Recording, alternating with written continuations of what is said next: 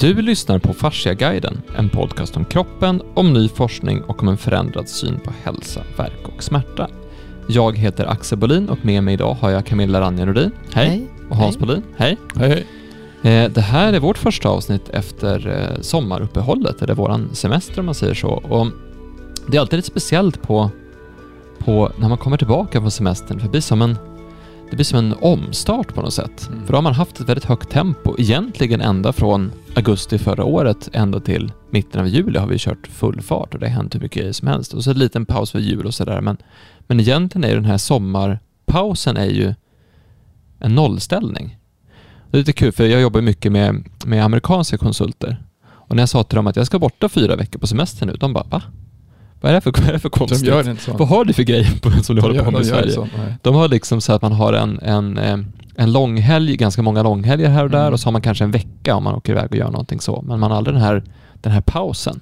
Mm. Och det är ganska intressant med den pausen för att man går ju väldigt mycket ner i varv eller i en annan, man kommer in i en annan eh, Mm. tidsuppfattning, en annan miljö. Min sommar, den har bestått av en bubbla som heter eh, en liten 9-10 månaders bebis. Det har varit min sommar eh, och den har varit väldigt eh, mysig och härlig men totalt eh, ointressant för utomstående kan jag tänka mig. Så att eh, jag vet inte om jag ska berätta så mycket om vad jag har gjort under mina fyra veckor. Jag tror inte ens jag hunnit fundera så mycket på, på kroppen eller överhuvudtaget utan varit väldigt närvarande i den stunden. Men ni har varit och gjort lite andra saker, lite spännande saker. Eh, Hans, du har varit på Falsterbo Horse Show Mm. och behandlat väldigt mycket människor. Mm. Eh, och jag fick eh, rapporter lite dagligen sådär om att ja, men idag var det tre stycken fantastiska case och här kommer en film på en intervju och här var det den här som kom och så hände det och det så det har hänt Men vilken mycket. gjorde, vilken gjorde film på? Det var, hon det var många filmer jag fick. Det var, någon som inte kunde, ja det var ju flera stycken som kunde röra händerna. var Ja det så? precis, mycket handbehandlingar var det. För det vi skulle komma tillbaka till, för det, det är någonting vi fascinerades av den veckan när du var där då, det var just att det, det är märkligt för att om någon kommer till en klinik och har ont någonstans, då Mm. kan det ta en timme, det kan ta flera behandlingar, det kan liksom verkligen sådär. Men om en person kommer på en mässa, då kan det gå hur fort som helst. Det är jättemärkligt, för det är inte bara så här det har hänt en gång, utan det har hänt, det händer 15 gånger varje år. Att någon är på mässa och så bara, bara händer någonting. Och det är vi, vi startade spännande. med tre mirakel om dagen. Det körde vi de första tre dagarna tror jag. Det var det, de tre mirakel om dagen. Och det som var fascinerande var att Eh, det var verkligen så. Att de, och jag tror att det, dels är det beror på, eh, nu har vi varit där så många gånger och var det gjort så många saker som har med folk som har hoppat av eller ramlat in och ramlat i. Vi har alltid haft någon ryttare någon gång som det har hänt någonting med. Vad sätter man, nej inte, vad heter de här, eh, bägge två som är kompis, nej, som är bröderna, vad heter de? Inte Zetterman, vad heter de andra? Är det Zetterman, vet, han som är i USA? Ryttare. Det kommer inte ihåg om det. Det finns ju, det var en för, för, för fem år sedan som kom till oss, där vi var första gången i Falsterbo, som hade, han kom och visade mig vad han har hänt för någonting. Han hade, hästen hade stannat vid ett hinder, han hade landat på huvudet och han ville inte ha ambulans utan han ville ha att vi skulle behandla honom. Så sådana case gör ju att det kommer alltid folk till oss som är skickade via organisationskommittén eller någonting annat. Den första som kom till oss, han hade i år, han var typ 75 år gammal, och så där 70 år gammal och han kunde nästan inte gå för han blev sparkad av en häst. Så att hela hans sida var som, det funkar inte. Och eh, då behandlade vi han, jag tror jag behandlade han kanske 20 minuter och sen släppte allting och så gick han runt där och Jana kom igen med bil och ja nu går han, nu går han igen, det var jätteroligt och sen så, så det var, hade det hänt då? nej, alltså det hade hänt för tre månader sedan. Ja, ja. Så att han hade, alltså, så det gjorde tryck och lastning, körde igenom så fick bra, bra flöde och så sen så, kolla nu går han. så, sådana var det. Så det som är, eh, och det var ju många som kom som hade jättekonstiga problem. Eh, så, eh, då, men det som är på mässor får man också, man har inte så lång tid på sig. Och det är ingen bänk. Så då kom vi på att man kunde köra tryckavlastning med att man sätter maskinen på höftkammen och så får du ju vibration i hela höften. Och sen kör man tryckavlastning på benen. Och det var jätteintressant vad fort det gick. Det gjorde jag på dig idag nu. Det kändes det var ganska häftigt. Mm. Ja, det, det är någonting som händer för att egentligen säger miljön på en mässa är egentligen ganska eh, ooptimal om man säger så. Den är ganska dålig egentligen för att utföra behandling just för att du har vi har mindre tid, det är mycket buller och bång runt omkring, det är inga bänkar, det är liksom sådär, så man måste vara ganska innovativ i sin behandling. Så egentligen borde det ju inte vara så att resultaten blir bättre. Men jag tänkte vi skulle komma tillbaka till den punkten. Vad är det, vad är det som händer? Varför funkar det så bra? Alltså vi, vi vet ju inte svaret på det. Vi vet bara att det händer. Vi vet inte varför det händer. Men Så en annan kan- sak som var intressant, det var hur många som inte vet vad fascia är för någonting. Alltså det, vi har ju aldrig stått, de senaste åren så, var det, så har vi stått och behandlat ryttare och hästar. Nu stod vi och behandlade människor i en monter. Vad är det här för någonting? Oj, oj, det här var intressant. Och de, det, det är därför är det så otroligt intressant med hur lite de flesta kan om sina kroppar och hur lite man kan om fascia.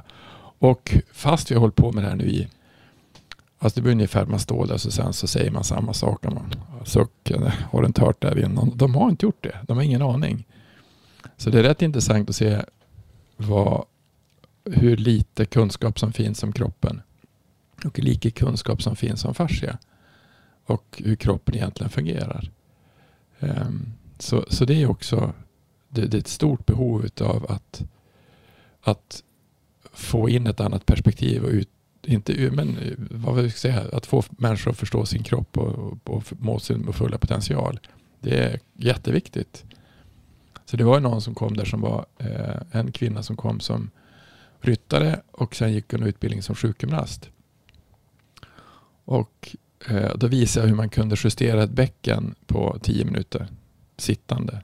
Och hon fick se då hur hennes pappa var sned. Och så sen så justera bäckenet sittande genom att justera fascian. Hon var helt chockad. Kan man göra så? Ja, så kan man göra om man ser vad det är som, som sitter fast och var det är någonstans. Och så frågade jag att hon, hon hade ett år kvar på sjukgymnastutbildningen. Har ni gått igenom fascia? Nej. Vill ni göra det då? Ja, jag, kanske. Ja, men vi kan göra ett, vi kan göra en fascia-workshop hos er. Där vi kan gå igenom vad, vad där ni förstår som, som fysioterapeuter och sjukgymnaster vad det innebär för er och hur det kan ändra sätt att se. Så att, och då var det först en diskussion om, om ja, behöver man det? Ja, om, du, om, du inte, så- om du inte förstår det, då förstår du som ingenting. Ja, men vi förstår ju massa saker. Ja, men förstod du det där? Nej, nej, du förstod inte vad jag gjorde med pappa nu. Nej, det förstår jag inte. Nej, men då så. Det skulle inte vara bra att kunna förstå sånt. Ja, men hur ska jag göra det då? Jag inte vet jag, så du kan, du kan, vi kan komma dit och ha föreläsningar för er och visa vad det är för någonting. Så att det var må, många sådana saker som kom som var, som var intressant. Alltså, eh, alltså träffa, träffa vanliga människor, fast många. Alltså flera hundra om dagen. Men då är man ju rätt, alltså efter jag kom hem, jag tror jag och Lotta gjorde ingenting en vecka, vi låg bara på sängen. Och, för då har man träffat för mycket folk på en vecka, eller tio dagar eller nio dagar. Men det är intressant för det knyter an lite grann till det senaste avsnittet vi, vi spelade in tillsammans med Per, avsnitt 70, där som handlade om varför det här verkligen är ett nytt sätt att se på kroppen, ett paradigmskifte eller någonting annat. För då, då pratar man om att eh, forskning idag bedrivs inte utifrån erfarenheter och upptäckter utan det är utifrån teoretiska antaganden. Och det här är ju ytterligare ett sådant exempel på att vi ser någonting händer. Någonting händer här. Det här bäckenet vart rakt på tio minuter. Och det är ju det som är intressant. Här är någon som är sned som blir rak. Här är någon som har ont som inte har ont längre. Här är någon som inte kan röra armen, nu kan de röra armen. Här är någon som hade problem med sitt, hela sitt ben och nu har han inte problem med sitt ben. Det är ju väldigt konkret någonting som händer där och då. Och jag tror att tidigare har man som avfärdat det om att det är så här är tillfälligheter eller, eller mirakel eller liksom någon slump eller någon placebo eller hit och dit. Men det vi har börjat göra nu på senare år är att hitta, ja men varför funkar det så? För det är för att vi vill veta. Mm. För att om vi vet varför det funkar så, vad är det som händer, då kan vi utveckla behandlingarna så att de blir ännu bättre. Men om du då kommer från ett annat håll som säger, men vi, ska man lära sig det här då? Som hon sa den där sjukgymnasten. Mm. Ja, så om du vill hjälpa folk så är det bra att man lär sig alla olika möjliga, äh, möjliga sätt att hjälpa folk på. Mm. Så att man förstår hur kroppen faktiskt hänger ihop och fungerar. Sen, vissa har ju inte intresse av det. Vissa Mm. vill ju bara att det ska vara, eh, det ska ske enligt det här sättet och, och den här uppstyrda formen och den här teorin och den här, eh, alla de här kliniska sammanställningarna, den biten och så. Men, men om det inte gör att folk blir bra på kort tid, Mm. då är det inte, då fyller inte det samma, då är det inte lika bra, alltså lika, alltså det är inte lika önskvärt om man säger så. Mm.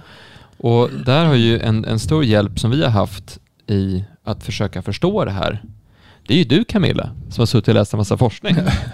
och Men- det, Men jag, tänk, men jag tänkte eh, med sjukgymnasten då, med traditionell medicin eller vård, man törs säga så. Men, men som jag har förstått, för det kommer ju kunder eh, och, då, och säger att men de påstår att bäckenet kan ju inte vara snett. Det är ju liksom en, en Mm. fast enhet som är fast i skelettet. Den kan, det kan inte vara snett. Mm. De har inte insett att det liksom är broskfogar som, och allting rör sig. Och Mm. att det beroende på hur spänningarna är runt omkring. Det, det, det får de inte lära sig förmodligen. Mm. Jag, jag vet inget om sjukgymnastutbildningen. Men, men eftersom eh, kunder kommer och säger så. Att läkare säger att ja, men bäckenet kan inte vara snett. Men jag hade ju en annan Så. sak som också, vi var uppe på en, alltså min, alltså Lottas syster fyllde år. Och då var vi uppe och skulle fira henne. Och eh, då hade vi just gjort klart filmen, alltså den första utgåvan som fanns, eh, dokumentärfilmen. Och då en utav, eh, en som var där, eh, hon hade just gått, börjat läkarutbildningen. Och gått ett år. Då hon läste anatomi och fysiologi. Så jag har du läst något om fascia? Nej. Det kanske kommer. Nej, det kommer inte för nu är det, nu, det kommer bli medicin nu. Nu är det farmakologi som kommer. Eh, och då sa jag så att det skulle vara ganska tråkigt, så att han, pappan till den här dottern då, som ska läsa medicin, läkare. Det är ganska tråkigt om hon går en utbildning nu och inte får lära sig om kroppens senaste organ och vad det innebär för någonting. Det innebär att hon kan egentligen bli, hon går en utbildning som är klar nu och kan bli omodern när hon kommer ut. För om det här slår igenom, om det kommer att komma, då måste man förstå det. Då måste man förstå att det är ett annat perspektiv, ett annat sätt att se på saker och ting. Eh, och, och, så vi skickade, jag skickade henne filmen och så sa jag gå in och läs mer på Farsa-guiden och se vad det är för någonting. Så att man, och det är det som jag tror är svåra egentligen som, som, som vi hade med när vi var i Finland för två år, tre år sedan, fyra år sedan. Att eh, ska du förändra utbildningen, alltså ska du lära dig fascia, då måste du ändra hela utbildningssystemet. Det har ju du sett nu också när du har hållit på med utbildning nu i höst Ja, eller, vår, eller vår. Så det blir ju hela tiden eh, ett annat perspektiv man får göra på ett annat sätt och se på ett annat sätt. Vad innebär det för någonting? Och det är när man får det, det som man egentligen får göra på om man har det som är intressant när eh, Jenny var med och de som var med nu på, på eh, Falsterbo det är att när du, eh, när du träffar folk och ska göra korta behandlingar och du ska visa resultat. Alltså egentligen ska vi inte göra behandlingar. Jag ska egentligen bara dema hur det känns. Men oftast är det så har man tid och så gör man ju korta behandlingar. Och då måste man vara ganska, in, då måste man vara ganska eh, kreativ och påhittig och se hur ska man få fart, hur ska du få det att hända? Vad ska man göra för någonting? Och Ehm, det är därför det, och det som är intressant med, med, med, mässan de kommer är att de som kommer på mässor eh, de är inte beredda på att man, jag har haft ont i foten i tre eller något sånt där. De har ont jättelänge. De är inte beredda på att kan det här bli, kan jag gå in på en mässa och så blir det bra. Så vi hade en, en, några som, en kille som kom som minns hon som vi hade som hade eh, vattensvans. Mm. Kommer du ihåg Ja, hon som hund- hade hunden där? Ja, ja. hund, hon, inte hon hade vattensvans. Hund, hund, en hunden hade labrador med vatten- vattensvans. lab- Labrador ja. med vattensvans. Hon kom med till oss för tre, fyra år sedan, va? fyra år Ja, sedan. det måste vara fyra, fem år Ja. sedan. Och så fick hon behandling av den här labradoren som hade vattensvans. Hon var helt salig för att hon har varit, det, det är tydligen en sån här inflammatorisk sjukdom som man får. Det gör tydligen jätteont för hunden. Mm. Så ja, då, hon hade varit till, till eh, Evidensia, eh. Evidensia-tältet. Men, men in, De kunde inte bara, göra Jo, hon kunde ju få Metacam, men hon ville inte ge den. Metacam. så hon var där i alla fall och så sen så eh, berättade hon om det här. Tyckte det var häftigt att träffa oss igen fast nu sålde hon lastbilar. Och så sen så var en av hennes kollegor som han, han hade han kunde inte röra hand, han kunde inte vi- vika upp fingrarna mer än vad blir det här? 50 procent kanske. Mm. Han fick inte ihop dem. 25 ser det ut som. Ja, 25 procent. Alltså han fick inte ihop handen. Eller tre fingrar var det tror jag. Två eller tre fingrar som gick in. Ja, och så sa han, men där kan Var det jag... som att det var stopp? Alltså liksom det, det, det, det var precis som du har, alltså, precis som du har brutit fingrarna. Det fanns Mm. ingen rörlighet i det. Och då, så, jag behandlade han i tio minuter. Det satt ju upp i axeln. Alltså det satt inte i fingrarna, det satt hela, hela vägen ner i armen som var löst tryckt. Så efter tio minuter så han, han kunde röra fingrarna. På tre år kunde han röra fingrarna. Då säger han, det här är ett mirakel. Ja, du är ett mirakel. Det är, det är hans kropp som är ett mirakel som kan så snabbt eh, hitta flöde och rörlighet så att det börjar funka igen. Sen är det jättebra att ha en maskin som man, man sätter fart på så mycket saker och kan göra ändra så att kroppen kan bygga om fort.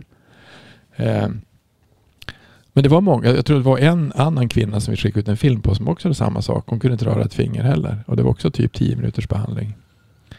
Jag Så- undrar om det har att göra lite grann med, nu kommer vi in på, nu kommer vi in på den där djupare förklaringen i alla fall, men vi, vi gör väl det. Ehm, jag funderar på vad, vad förväntningar har med saken att göra. För att om du tänker att du, du ska se en film eller en konsert eller någonting sånt. Och så sen så har du liksom byggt upp jättehöga förväntningar inför att du ska se den.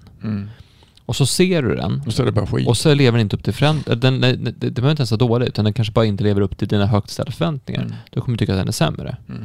På samma sätt om du liksom går och ska se en film och förväntar dig att den här, den här är nog inte så bra, för det sa den där recensionen som jag läste. Mm. Då kommer du säkert se alla fel i den. Men om du går och ser en film totalt utan förväntningar och bara så går in rakt in och utan att ha läst någonting alls om den, vet Mm. någonting alls om den, då, då kan den ju vara då kan den vara både bra och dålig. Då är det en helt annan... Då, då, då är ju filmen i sig väldigt eh, talande. Så när, när du går in helt utan förväntningar så får du en helt annan eh, grej med det. För jag, jag, vi, var på, vi var på West nu på festival och så sen skulle vi se en spelning och jag har sett det här bandet förut och det var skitbra. Mm. Så jag berättar för alla att du vet, de här är så bra live. Du vet, det, är, det låter bra, det är bra driv i bandet, det är liksom världens show, det är liksom det verkligen bra tryck i det här är musik som gör sig skitbra live. Mm. Då var det att när vi var på festivalen så var det mycket, mycket sämre ljud, för festivaler har alltid mycket sämre ljud. Mm. Och sen det nya albumet som har kommit, inte alls lika bra live som det förra. Mm. Så att spelningen jag såg var verkligen hur bra som helst. Men den här var inte så bra. Nej. Och, eller den var ju bra liksom, men det var inte så här, då hade jag pumpat upp det här som typ ett jätte, jättebra liveband Mm. till de som inte hade sett det förut. Så att för dem var det så här bara, jaha, det där var ju inte så bra. Alltså, vet, då var det till och med ännu sämre än vad det kanske hade varit om jag inte hade sagt någonting alls. Mm. Mm. Så förväntningar påverkar upplevelser. Mm. Och om du går och går på en mässa så förväntar du ju inte att din hand som du inte kunnat röra på tio år, att du ska kunna röra den igen. Tre var det tror jag. Ja, men, men oavsett vad. Ja. Och så sen så, och någonting händer ju, jag, jag tror att det där har mycket större betydelse än vad man tror. Sen har, jag har en, en liten tanke på det där också. Med, Solljus. man ska gå det ännu djupare på det då. ja. Med, om man eh, tänker på eh, Pollaks forskning med vattnets fjärde, fjärde, ja. fas, fas och, och hur det hur flödet så att säga ökar i kroppen med, med hjälp av infraröd, ja, solljus, utomhus. ja, infraröd värme. Alltså, och det, det och jag tänker att eh, om man går till en klinik och så, så eh, oavsett om det är en, läkarmottagning eller även om det är en typ den här behandlingen så tror jag man kanske är lite nervös, man är spänd, Mm. man har, har ja, kanske lite högt blodtryck. Alltså det är en Mm. viss stress. Mm. Och då är man ju inte lika mottaglig. För då, det motverkar ju liksom det här. Och det kanske inte blir samma värme från terapeuten heller. Alltså nu tänker jag liksom värme, inställning. Alltså det kanske är lite Nej, mer jag- av, jag- avmätt. Men däremot på en mässa så alla är glada, positiva. Det är det Du med har- du- avslappnat. Ja, det ja, precis. Och du, du har det här infraröda eh, som sätter fart på flödet och du får ett bättre flöde så att allting släpper fortare. Alltså jag, jag, Men, men jag tror, jag tror det, också, det var liksom den, den- fjärde fas som den- jag bara... den, den tror jag på. Jag tror Ja. att det kan vara så. Men jag tror en annan sak som är, jag tror med, som du sa med avslappningen som finns. För hon den första som jag gjorde på Leipzig med Frozen Shoulder. Hon satt ju, det var precis på slutet av mässan. Det var, så skulle de dricka champagne med någon kund som kom dit. Så de satt ju, de drick champagne du sa. Jag behandlade, så hon satt ju i en stol och drack champagne. Och smuttade på den. Och jag behandlade hon. Och 20 minuter senare funkar hennes axel. Alltså då, då är man helt, man, man, går, inte- man går inte till en läkare och sitter och smuttar champagne. Det gör man, man, går, man Nej, går, nej, så att det är en nej. annan, så kanske hela, hela strukturen är annorlunda men i ett annat fält. Men jag tror att, jag tror definitivt att Alltså men det, det som det vi satt då, det är en annan sak om du tar på ehm, eh, vagusnerven. Alltså, tä- tänk att du sitter på en framridning Mm. där hästarna rung för vilket, man- vilket vad, vad utstrålar de för någonting? Lugn och ro. Eller om det, alltså, ja, och, ja, massa saker. Men det är ju massa ja, energi. Ja, jo, det är massa till ljud. människorna runt omkring. Ja. Men, ja, jo, men det, Det har inte hänt det är ju- någonting. Nej. Så det kan ju också påverka. Mm. Eh, Jo, men det är en behaglig Ja. stämning. Alla är- på gott humör. Och även om det är kanske rörigt och stressigt så det är liksom, man är ju där i ett trevligt syfte. Jag, Jag, jag tror att det, det Jag tycker man förstår mer och mer hur, alltså när man, om man läser och lyssnar på, på Gerald Pollack. mm. Det, det är häftigt. Men så egentligen så blir ju miljön väldigt viktig för hur behandlingen blir. Och inte bara miljön som i att runt omkring det har du till exempel på mässan har du djur, djur och du har sol och du har glada människor och avslappning, men också miljön i din kropp. Mm. För vi har, eh, jag hörde igår så satt jag i ett möte och då John som börjar jobba här, han, han berättade för han tycker det är så intressant att jobba med det här. Mm. Eh, för han jobbar mycket med arbetsmiljö och tycker Mm. det är spännande. Kan vi bygga upp en arbetsmiljö som gör att folk eh, trivs på jobbet? Om Mm. de trivs så kommer de att må bättre. Om de bättre kommer det att bli bra effekter på det. Eh, men då börjar han förstå att miljön som du aldrig blir av med, det är ju kroppen. Mm. Det är den miljön du bor i som du, Mm. oavsett vad du gör så kommer du vara i miljön, din egen kropp. Och hur, man, hur den miljön är blir ju samma sak. Att om den miljön är, är avslappnad, positiv, djupandan, djupandande, har bra eh, näring, bra flöde, bra... Alltså hur, hur jag mår i min egen kropp. För det märker jag också att om, man, om jag lägger mig ner och slappnar av på ett annat sätt, då har ju kroppen lättare för att läka. Mm. Och hur, hur avslappnad är man då på en mässa jämfört med om man är på... Att du är garden nere på ett annat sätt. Du är liksom där och bara, Ja, alltså, bara ha alltså, kul. Och så bara, oj hoppsan, nu kom det en behandling här. Och det, jag tror att det där, vi, vi borde titta på hur man kan få in det där i en klinikmiljö tror jag. Vi har ju pratat lite grann tidigare om att vi eventuellt ska jobba med, med ljus och lukter och grejer för att bygga en miljö på klinik som är lite mer... Ja, men införat, har- införat har vi ju kollat på. Det, kanske man ska införa. Men jag tror att det det som är... Fast tror det mycket- avger ju du också. Alltså, Ja, precis. Det, det är det. Och det, det är liksom... Ja, jag din- kanske avger mycket sånt. Ja, ja, och jag tror att vi avger ju det olika mycket beroende på Mm. hur vi mår själva. Jag tror att det är därför en, en terapeut som är jättestressad och själv mår dåligt får, kan inte få något resultat. Nej, och det har vi också sett tecken på. Så, så att man ehm, måste ju själv mm. må bra. Därför att du avger inte den infraröda strålningen om Mm, du själv är stressad och mår dåligt. Men vi hade en, en terapeut vi jobbar mycket med som, som eh, ehm, det var ju så att sluta få resultat. Alltså det, det har gått jättebra tidigare med alla behandlingar men personen har slu- slutat få bra resultat. Mm. Bara, vad, vad är jag får inte funka? Och så sa men hur mår du då? Och så visade det sig att den här personen var jättestressad för det hade hänt saker i både privatliv och dit fram, Mm. alltså runt omkring. Och då hade det, och det var press kring ekonomin och få att saker att Mm. gå ihop och sådär. Och då går du in med det i behandlingssituationen, då blir det ju sämre. Mm. Det pratade vi om ganska mycket i ett avsnitt som handlade just om den biten. Men, men, eh, men den, man ska inte, alltså, Men det är intressant att se den laddning som är i kroppen. För hade, vi hade ju en, förra året när jag var där, det var ju på Falsterbo, då var det ju det första som jag kom när vi skulle sätta upp tältet så sa Lotta försvinn inte nu. Så kom, de, kom Lotte Vanja och hämtade mig Hans, en som har fallit av. Då fick jag, då fick jag gå och behandla en kvinna då. Hon hade fallit av på, på, på eh, dressyren och slagit huvudet under axeln och så. Och då, eh, hon tränade för Jan Brink. Så jag träffade Jan Brink nu och så, sen, så när jag behandlade den här kvinnan då så, så körde tryckavlastning så tar trycket svaret i fallet och efter ja, en kvart så började hon gråta. Varför gråter du? Därför är du rädd, sa jag. Och nu släpper rädslan för nu finns det inget i vägen. Nu är adrenalinet borta. Nu känner du vad som har hänt. Det visade sig att hon var i fjärde månaden. Och då sa jag att det har inte hänt någonting. Det visste jag inte. jag kunde kunde inte jag det, men hon hade jag sagt att det kanske har hänt någonting nu, då hade hon ju brutit ihop flickan. Men i alla fall, hon, eh, då träffade jag, det hade, det hade gått bra. Så att förlåt, det hade hände, hände ingenting. Så det ser man också som, som många, så vi ser ju Cayenne också hur, hur när man ser ett nyfött barn som kommer ut och så sen så måste man ta hand om dem i jättemånga år så undrar man hur i helskotta har vi överlevt som, som, som ras eller som organism.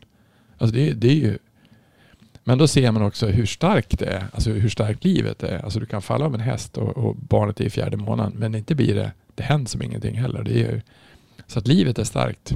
Och ja, det händer mycket grejer på hästshower. Mm. Jag hade mycket grejer med hästar. Ja, ja just det. Ja, överhuvudtaget alltså, det, det är... Det, jag tror att det är någonting med just den här miljön. För jag var på, jag var på bröllop. Det har jag nästan glömt bort. Men då, då på vägen ner så var det en sån här Facebook-chatt för hela bröllopet och så var det någon som sa så här. Jag har fått sån otrolig nackspärr. Jag vet inte om jag klarar, klarar av det här. Är det någon som kan hjälpa till? Och jag bara, Nej, men inte jag. Alltså jag, jag, jag gör ju inte sånt här. Alltså jag behandlar ju inte så mycket. Jag, jag, där är ju skillnaden mellan Men du dig hade mig. ingen maskin med det? Nej, skillnaden mellan dig och mig Hans är att du hoppar ju på allt och alla som... Ja, som, alltid. så. Har de Och jag, puls? jag är så här, Han åker aldrig någonstans utan maskin. Nej, och jag, jag, jag var ju på semester. Jag tänkte jag ska inte behandla någon och sådär.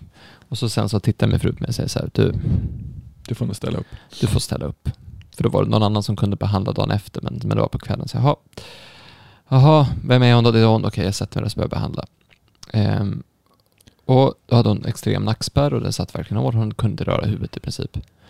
Men alltså det går ju. Ja. Det går ju på, en, på den miljön och du vet, det var ju, jag, det var länge, sedan jag behandlade någon. Så jag släpper på lite tryck och pratar lite sådär och bara så oj shit, funkar det så här och så? Och det, just det där med att det är ju väldigt få som har, som har koll på hur kroppen hänger ihop. Mm. Just så här, ja men det är klart att du kan sitta problem med armen som har att göra med att du har nackspärr. Mm. Hur kan det det? Sådär. Mm. Ehm, så att det, det går ju att göra saker även i den typen av miljöer och det kanske till och med är lättare att göra den typen av miljöer. Mm. Så ja, det... Men då ska vi prata lite mer om varför det, varför det funkar så här då. Nu ska jag loopa in det igen Camilla, ska vi se om, om vi kommer, kommer in på kolla igen spåret här.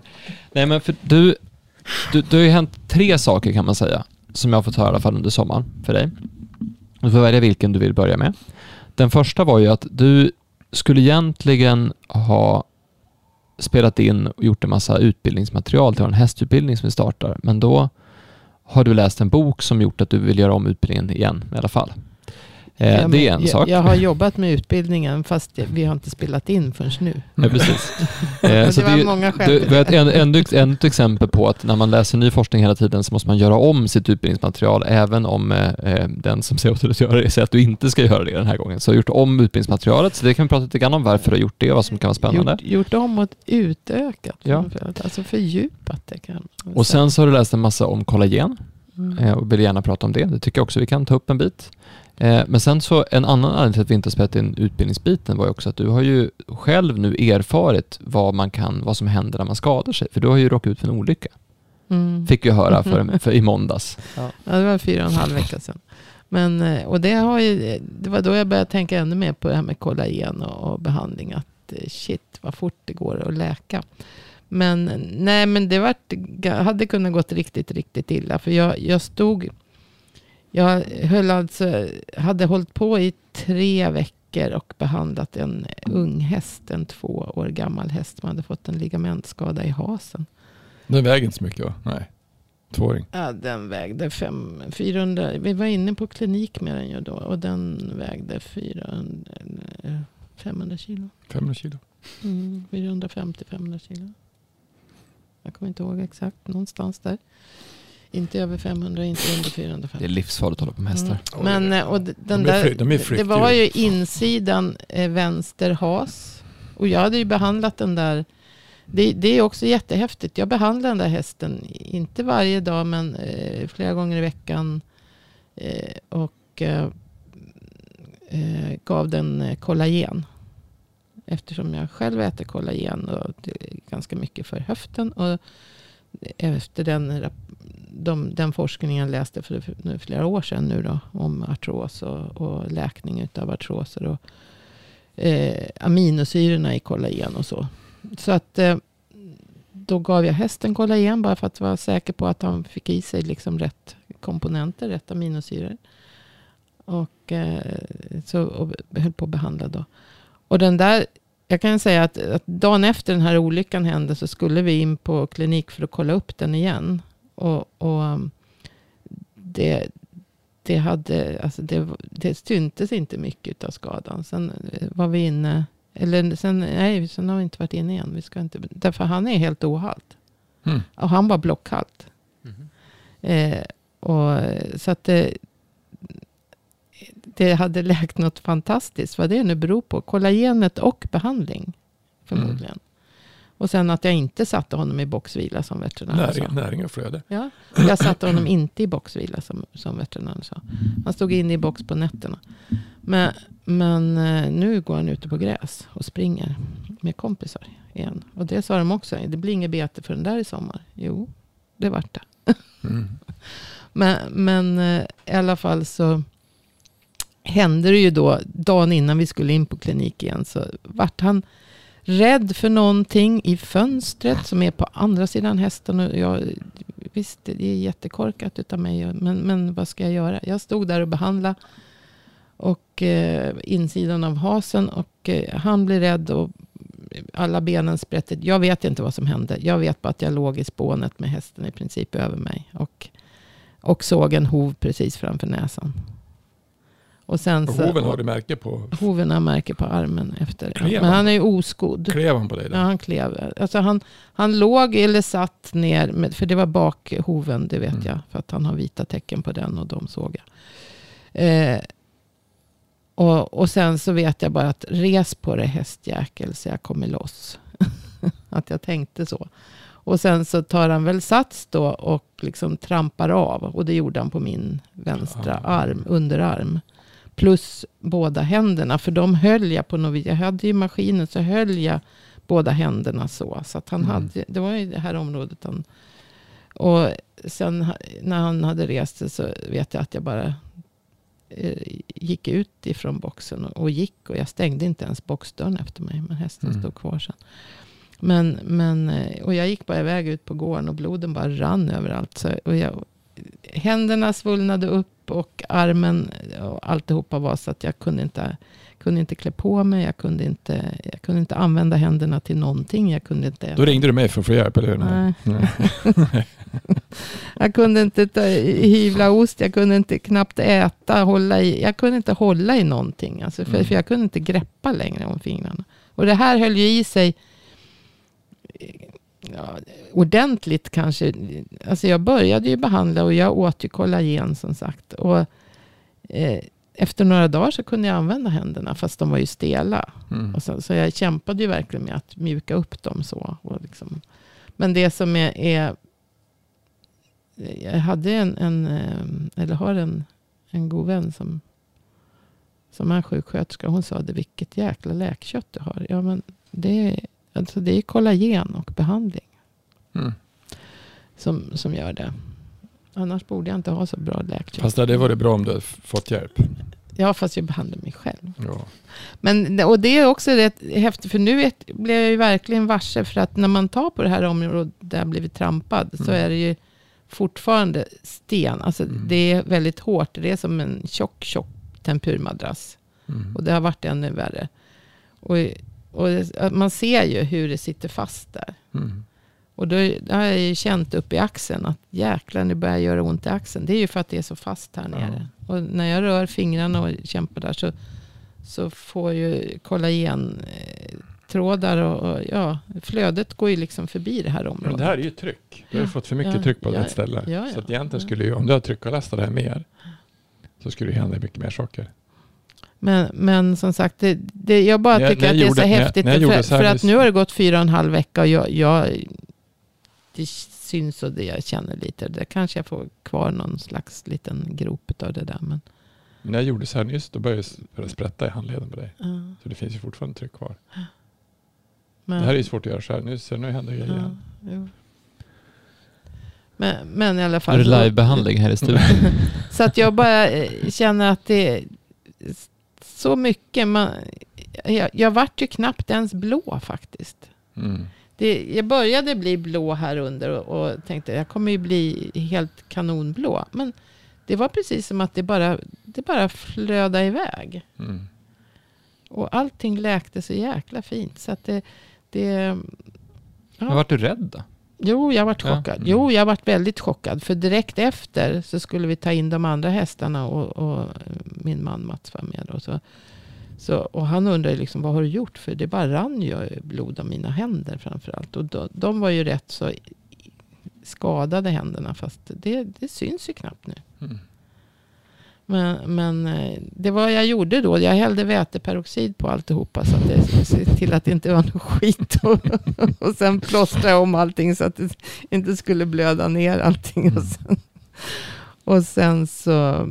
Men Nej, bra. men jag var chockad så att jag höll faktiskt på att tuppa av efter Mm. några, ett tag efter det här. Men det är ett bra exempel på, alltså om du skulle, det är bra exempel på att du tillför näring och du tillför flöde. Ja. Så hjälper att läka. Du skulle göra tryckavlastning också så att du så skulle det läka ännu fortare. Ja, det läkte väl, läkte väl. Det, det är ju det här. Det är där fortfarande lite grann är där. Men alltså det som jag tror att det som är, därför blir det ju så att eh, när man förstår, det, det sa vi bland de första avsnitt som fanns, att när han som var med, han som hade brutit nyckelbenet. Om nyckelbenet bryts, vad får resten av kroppen ta emot då? Om du, får, om du är trampad på någonting då får ju, och det inte går sönder så får ju hela systemet ta emot någonting. På samma sätt som jag sa till dig om sårläkning. Om du fått ett R Mm. till exempel som jag hade, den här som jag behandlar nu, eh, som en R, R i, i buken. Det R, om det är för styvt så blir det för lite flöde. Mm. Och då måste ju kroppen bygga någon annan struktur. För det ska ju vara flöde. Det ska ju vara, vi ska ju vara som, vi ska ju vara flexibla som barn. Vi ska vara Ja, mjuka. jo, det och det är är ju det som är, så det är ju, och, och det är det som är det svåra egentligen som vi har försökt att prata om. Det är hur kan man, det är det som var i filmen också, dokumentärfilmen. Vad är fascia för per- per- perspektiv egentligen? Vad innebär det? Mm. Vad är det för någonting? Hur, hur, och det är det som är det är det som är så svårt att förklara. Att fascia är Men- en helhet. Men det är ju som, som jag, jag har väl sagt någon gång just det här. Man, man tittar, jag har, har en bäck hemma nu håller den på att växa igen. Men, men eh, och den, när man tittar på den och så ligger det några stenar och så flödar allting jättebra. Och sen blir det en massa skräp. Alltså Mm. Små, det är löv och det är liksom ja, Mm. skräp som ramlar ner. Lite gräs och lite eh, grenar och sånt där. Och så eh, samlas det mot de här stenarna som ligger där. Och då kan inte vattnet bara forsa förbi. Utan då går det liksom runt. Och så, så det kommer ut på samma ställe till slut i alla fall. Fast det går liksom omvägar runt om. Och, Mm. det, och så blir det stopp däremellan. Mm. Och det är ju precis så som det blir här Mm, i skadan. ja, Alltså där, där blir det ju, det sipprar ju lite vätska såklart. Så att lite kommer ju däremellan. Men det är inget flöde Mm. om, i den bemärkelsen. Så att säga. Utan det går liksom runt. Sen blir det stopp på ett annat ställe. Ja, då får du gå runt där också. Mm. Så det, det är ju liksom, det är så som kroppen fungerar. Mm. Det är, det är flöde helt enkelt. Men vad som är häftigt med kollagenet, sen, eh, jag har ju läst om det förut, men just att det finns ju jättemycket forskning på att kollagen eh, stärker sår, sårläkning. Jag tror inte man har några liksom, negativa eh, eh, ehm, resultat överhuvudtaget. Det- Det är bara positivt att liksom äta kollagentillskott. Eh, och att det, det läker, ökar sårläkning, det, det stärker huden och det minskar alltså hudens eh, åldrande om man nu ska säga. Men, men Mm. det stärker elasticiteten i huden och lysten i huden och det ökar tillväxt av naglar, hår. Mm. Eh, det, och osteoporos, alltså det, det stärker bentillväxt och Mm. brosktillväxt. Det, det finns och så just att de allra flesta människor har ju brist på kollagen. Varför? Därför att vi äter bara, och det, det var ju något som inte jag, för ett antal år sedan så, så förstod ju inte jag det heller. För jag menar, jag äter ju massor med protein. Mm. Så när man äter kött och, och mjölkprodukter Mm. och, och så. Men det innehåller ju inte eh, samma, det har inte samma aminosyraprofil som, som eh, kollagenet har inte samma aminosyraprofil som Grönsaker och växter då? Det är också dåligt. Kollagen är ju en animalisk produkt. Alltså det finns bara i djur. Och det som eh, man kan eh, så att säga, äta för att få det som är den svaga länken är väl lysin. Då, en, en aminosyra som finns mycket i kikärtor och baljväxter. Så det, det måste man äta. Då. Men det räcker Mycket- inte. Det, det kan, jag, jag vet inte. Det, Men det, det- kanske inte räcker vid en skada, men det kanske räcker för normalt underhåll. För det är ju det, om du ska läka någonting så måste du ha så Mer, mycket. Ja, det. Och det är ju flera av de här ja aminosyrorna. fria kött alltså. Ja, ja, men det är ju flera av de här aminosyrorna som kroppen tillverkar själv. Men Mm. ska du läka någonting så behövs det så otroligt mycket av det. Så att det Mm. kanske inte räcker till. Och är man äldre, då Ja, minskar ja. produktionen alltid Ja, av ja, allting. precis. och den minsk, kollagenproduktionen minskar när du blir äldre. Mm. Och du, alltså du, du har ju en, en minskad eh, kollagen. Men om du, eh, om du tar hydrolyserad kollagen, det, vad är det vi ska ta fram nu? Vad tar vi, är det hydrolyserad kollagen? hydrolyserat kollagen. Och det, det innebär att det, det kollagenmolekylerna eh, molekylerna är sönderdelade i mindre bitar. Så att det är lättare att ta, ta upp kan man Mm. säga. Så att eh, enkelt förklarat. Men, och det är hydrolyserat kollagen som de här forskningsstudierna, de, all, de, flesta som jag har läst i alla fall, som eh, är gjorda på. Då. Mm. Och då, då har det effekt på, alltså på enormt mycket positiva effekter. På, så, så, och ju- just att folk, man äter putsat kött, man tar bort all bindväv, man äter eh, kanske grönsaker, men det är inte alla som gillar kikärtor. Och, Mm.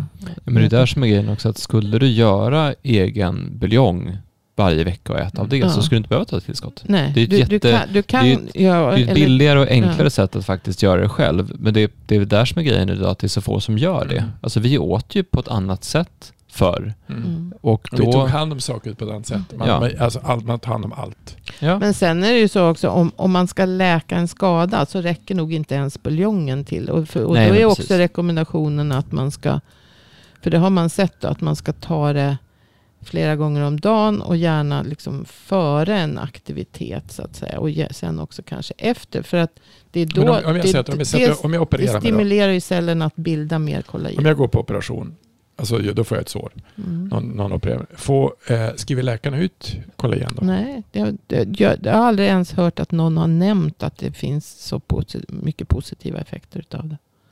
Nej. Och som sagt, jag, jag menar, jag, jag har givit hästen nu och det läkte så enormt. Det, det är en häst, men Vi hade en kille som kom nu som, som, hade, som var här förra så, alltså i somras eh, som hade kommit in med, hade brutit ett, några ben i foten. Och eh, något, mellan benen och sådär. Det finns ju så jävla mycket ben i foten. Då gjorde tryckavlastning på han eh, så att vi tog bort trycket som fanns i hela kroppen. Han åt hydrolyserat kollagen 15 gram om dagen. mm, Eh, dagen efter så kom han med sin fru. Då hade han tagit av sig den här stödfoten. Och efter en vecka hade han inte ens, det var allting läkt. Mm. Det är rätt sjukt. Alltså, och de trodde inte det var sant. Men han åt kollagen och han fick behandling. Alltså avlastade trycket som var utav, utav benbrottet. Så det, är, det är ganska in- intressant hur fort det egentligen kan gå. Även på, inte bara på hästar utan även på människor. ja, ja, ja. Jag var ju aldrig till någon läkare. Så, så det är ingen som har sett hur fort det läkte. Det är ju, på det viset är det lite synd. Men, Men vi hade Ja. också en annan sak som vi håller på med. Vi håller på med den där, eh, vi ska göra en lansering utav filmen. Eh, har du bestämt datum Axel? Nej, Vi går inte, det pratar vi inte om här. Utan Nej. det, det kommer sen. Men i alla fall, hade vi, då, då tittar vi på vad är det i filmen handlar egentligen? Det är mycket det jag gör både Fasciaguiden och film. Alltid det. Vad är fascia för perspektiv egentligen? Och varför är det så svårt att förklara helheter? Varför är det så svårt att förklara att saker händer? Och då tror jag att det, det gäller att hitta ehm, det är därför vi berättar om case. Ehm, och då hade jag en, en, då hade en ja, två veckor så ringde en kille från en, en, en tidning som heter Polishunden. Och, och då sa han, vill du annonsera i Polishunden?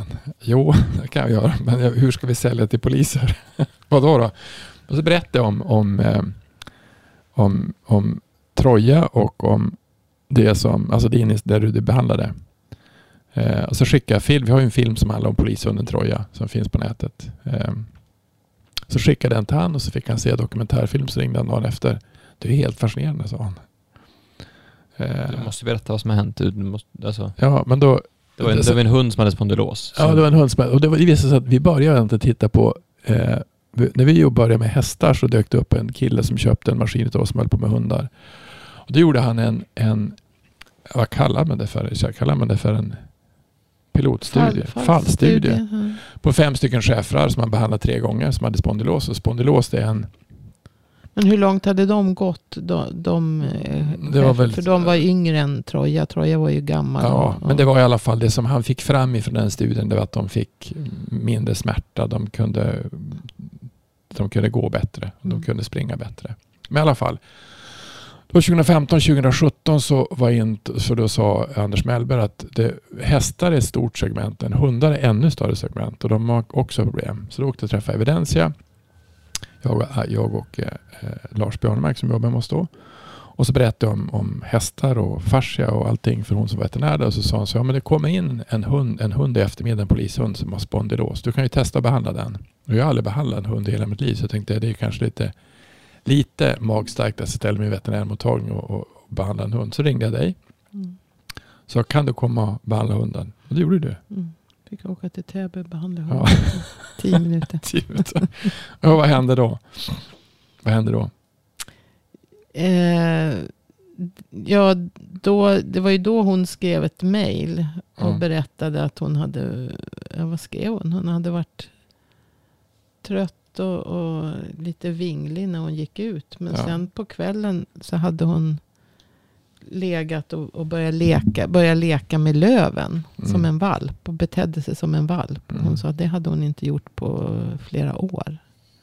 Och så sen Hon så, ändrade helt beteende. Så ja, helt och så sen så, då, då sa du sa du så här till mig. Du, eh, eh, för då kunde du på onsdagen för skolan igen ta en, en spruta för inflammation och så sen så eh, ville hon ta en till behandling då för att hon var helt uppåt den här hon, polishunden. Då. fick, hon fick ju regelbunden Ja, sen, vänta, sen, behandling sen, med- sen, sen så kom jag in och så sen så skulle den här äh, veterinären behandla då.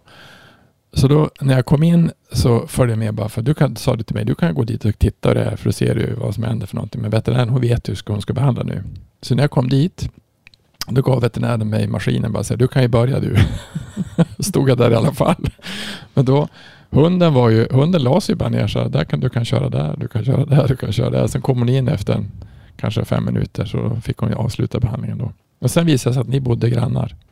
Hunden och, och jag re- Ja. relativt nära varandra. Mm. Så då fick du behandla den hunden i, Behandlade i tre månader Ja. ungefär. Re, regelbundet under tre månaders tid. Och om man ska översätta det till människa så att, alltså, att, att ha spondylos det måste vara så fruktansvärt smärtsamt. För de har kronisk inflammation i ryggen. Vilket gör att de, och sammanväxningar vilket gör att de har väldigt svårt att röra sig. Så fort de rör sig så får de ont. Eller hur? Mm. Och då ger man dem infla- antiinflammatoriskt. Det som egentligen gjorde det var att när vi behandlade den där hunden så vart det bara bättre och bättre och bättre. Fast den var ju gammal. Ja, den, var, den var ju väldigt långt gången. Så att det, liksom i, i sin spondylos då hade jag haft det länge. Så att, Men det var intressant. Alltså det som är intressant egentligen, det kan vara lättare ibland att förklara om en kroniskt sjuk, om ni kan slå upp spondylos så ser ni att det går inte att behandla. Men om det går att få lindring på, tänk dig vad man kan få lindring på då i, ett fascia perspektiv på människor. Och det är det som är så svårt. men framförallt så kanske man kunde få det om man, om man gjorde det regelbundet tid. innan. Att man Innan slapp det, få det att bryta ut. Ja. Att liksom, prehab, alltså Ja. förebyggande behandling. ja. Och det är i alla fall en, en sån här- Eller stoppa upp på ett tidigare Ja. eh, stadium. Så för, för det, det borde ju bli spondylos utav att det är dåligt flöde. Ja, det, det är ju... Och för lite ju- kollagen. Ja, säkert. Fast hundar äter ju, ja det beror på, äter de eh, Det beror vilket foder torrfoder? Ja, precis. Vilket foder de äter. Mm. De kanske måste ha kollagen de också. Men ger man dem märgben och så, så får de i sig kollagen. ja, Men det är inte alla som gör det. nej. Att tugga på. Jag tror att det, det var ganska intressant. På någon kurs som vi höll så, så titulerade sig Ivar som experimentell terapeut. Och det har Hans har också sagt att du är experimentell terapeut. Och egentligen, för man, man tänker på sig vilken, vilken roll är det som vi fyller i fascia-forskningen och det här nya hälsoparadigmet och vårdbiten och sådär. Och det som vi gör med Fasciaguiden, det är att vi vi läser en massa ny forskning och så sen så testar vi det vi har läst Mm. och så berättar vi om vad vi har upptäckt. Mm. Så att det här är inte det är inte en, en, eh, en klinisk studie att Camilla läker fortare för att hon tar kollagen efter att hon har varit med om en otrolig skada. Men det är ju en otroligt intressant erfarenhet. Mm. Och allting som vi pratar om testar vi ju själva hela tiden. För vi vill ju se, vad händer om jag gör så här istället? Mm. Och det som är häftigt med fascia som perspektiv är just att det öppnar upp så otroligt mycket nya dörrar. Och det jag hoppas på sker under hösten nu, om man ska prata framåt nu, vad som vi hoppas ska hända, det är att fler människor börjar öppna upp för att det kan vara på ett annat sätt än vad de har trott. Mm. För någonstans så har vi till en viss del som samhälle kommit till en punkt där vi tror att allting är färdigt, att allting är upptäckt, att allting är utvecklat. Och fascia är ju ett av de bevisen på att det absolut inte är så. Utan det finns så mycket som vi inte ens har en aning om. Och vår ambition, är, eh, vår vilja är någonstans att, okej, okay, går det? Alltså, det här är någon som har ont, går det att fixa det här? Här är någonting som är trasigt, går det att läka det här? Och att alltid upp, upp, upptäcka och undersöka nya metoder. Kan man behandla en hand som är, att, att, om vi säger så att du ens tar den här handen som inte har rört sig på tre år inte kan Mm. fällas ihop och att du ens börjar försöka Mm. är ju intressant. För det är många som inte ens skulle göra det på en mässa. Mm. Att du sen lyckas, det är ju eh, helt otroligt sjukt. Mm. Men det är ju inte, det är inte den evidensbaserade kliniska idé som man har från institutionerna om att det ska vara på ett sånt sätt. Men det ger ju resultat. Mm. Och där någonstans så, någonting vi började göra under, under våren som jag ser fram emot att se vad, vad som händer av det är att vi faktiskt vänder oss till er som lyssnar. Eh, är det någon som är sjukgymnast eller sjuksköterska eller vad som helst eller inom vård och vill ha en föreläsning om fascia där vi kan berätta om Mm. varför det här är annorlunda Mm. så är vi är superöppna med allting. Mm. Vi är inte ens speciellt dyra. Vi kan till och med förhandla fram den biten också. Mm. Så det är inte som att vi... För vi, vi vill verkligen sprida kunskap om kroppen på ett enkelt sätt. Allting som är fasciaguiden kan man liksom... Det var någon som frågade, kan jag få använda det här i i en presentation? Absolut. Här. Mm. Det här är artiklar, det är öppet för alla. Ta det här, läs det här, sprid det här, prata om det här. Kan jag få använda filmen? Ja, gör, kör på, använd filmen. Mm. För att vi vill att det här ska nå ut till så många som möjligt så man ska börja titta på kroppen på ett annat sätt, börja se andra typer av möjligheter. Kan man bli frisk på ett annat sätt? Ja, men det kan man säkert om man vågar öppna för det. Så, att, Mm. så att är, man, är man intresserad av att göra en studie? Absolut. Är man Mm. intresserad av att vi kommer och föreläser? Absolut. Mm. Vill man titta på om vi kan göra någonting tillsammans kring, kring eh, hundar? Absolut. Det, Men, men, det, men ja. det, som, det som är, det som, alltså det, vi, hade ju, vi var inne på, eh, det var en, ko- en kompis med, han är överläkare i, i Göteborg och eh, de, eh, det ringde då en kvinna, det, jag har berättat någon att Alltså smärtlindring, som är det spondylos som vi sa nu, smärtlindring det är vad man kan göra med att släppa tryck och använda maskinen som vi har tagit fram. Och, och det, är, det är otroligt effektivt, enormt effektivt. Och då hade vi en, eh, då var det en, en och det, det visar ungefär att, att det går, men man måste också kolla på, om man ska göra en studie på det så måste man kolla vad, vilken studie ska man göra. Vi gjorde ju en, en, en kvinna som, som hade otrolig smärta efter en, en, eh, en, någon typ av cancer i, i, ska, alltså i huvudet. Eh, som man har behandlat ytligt med strålning. Och strålning, sa Kristoffer Rubin, det skapar en fibrös tät vävnad. Så strålning i sig får allting att dra ihop. Det är ungefär som att köra kollagenet i mikrovågsugn. Det är inget bra. Det, det blir konstigt, eller hela, hela strukturen.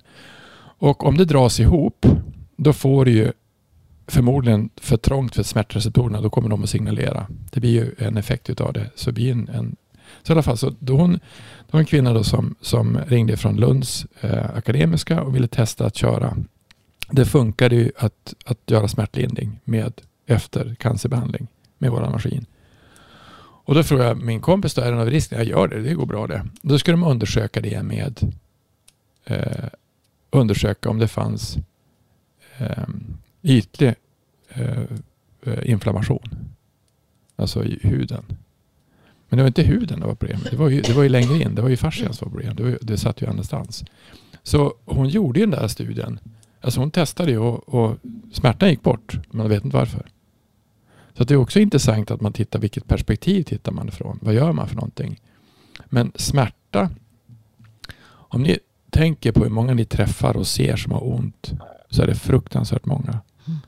Och kan de, fick, kan de i ett annat sätt att bli lite, lite bättre. Det var en kille förra året som var på, han kom, alltså vi har ju eh, Lotte Vanjus hon är, hon är med där i Falsterbo Horse och de, de är i 70-årsåldern och hennes kompis är i 70-årsåldern. Och då hade hon en kompis som är, jag tror han är 78 år gammal, har haft ont i, hade ont i en axel tror jag det var. Och han tyckte våran maskin var så bra så att han kan jag få köpa en och behandla mig själv ja, den är lite dyr så men vill du göra det så gjorde han det. Så han har behandlat sig själv. Nu kom han igen och, och fick med, jag behandlade honom så att det släppte på andra ställen. Men han har ju fått ett liv utan smärta genom att behandla sig själv. Han har varit överallt, han vart inte hjälpt. Och tänk hur många som, bara genom att titta på ett annat perspektiv och på ett annat sätt, hur många som man kan lösa smärtlindring på. Mm. Det är, är otroligt. Och det är det som är, eh, det är ett helt annat, det är fantastiskt om man kan göra det. Både på djur och människor. Alltså du stimulerar ju läkfunktionen och immunförsvaret och det, det eh, hyaluronproduktionen och Ja. Så egentligen som du sa Axel, vi kan, vi, kan, vi kan göra som vi sa, vi kan föreläsa, vi kan jag fick nu en, en läkare som håller på med funktionsmedicin som vill att vi ska komma dit och berätta om, eh, om eh, fascia och kvinnoproblem framför allt. Eh, och se om det kan ge någonting. För att det, det kommer inte finnas, det är någon som, ja men eh, då kanske ni får konkurrens. Men det, det finns så mycket att göra som man tror. Det, det är inte som, som, som Janis Marquez sa om hästar. Alltså hästar kommer alltid behöva hjälp hur mycket som helst. Och det är samma sak med, med oss. Vi behöver hjälp för att må bättre mm. och veta vilka vi är.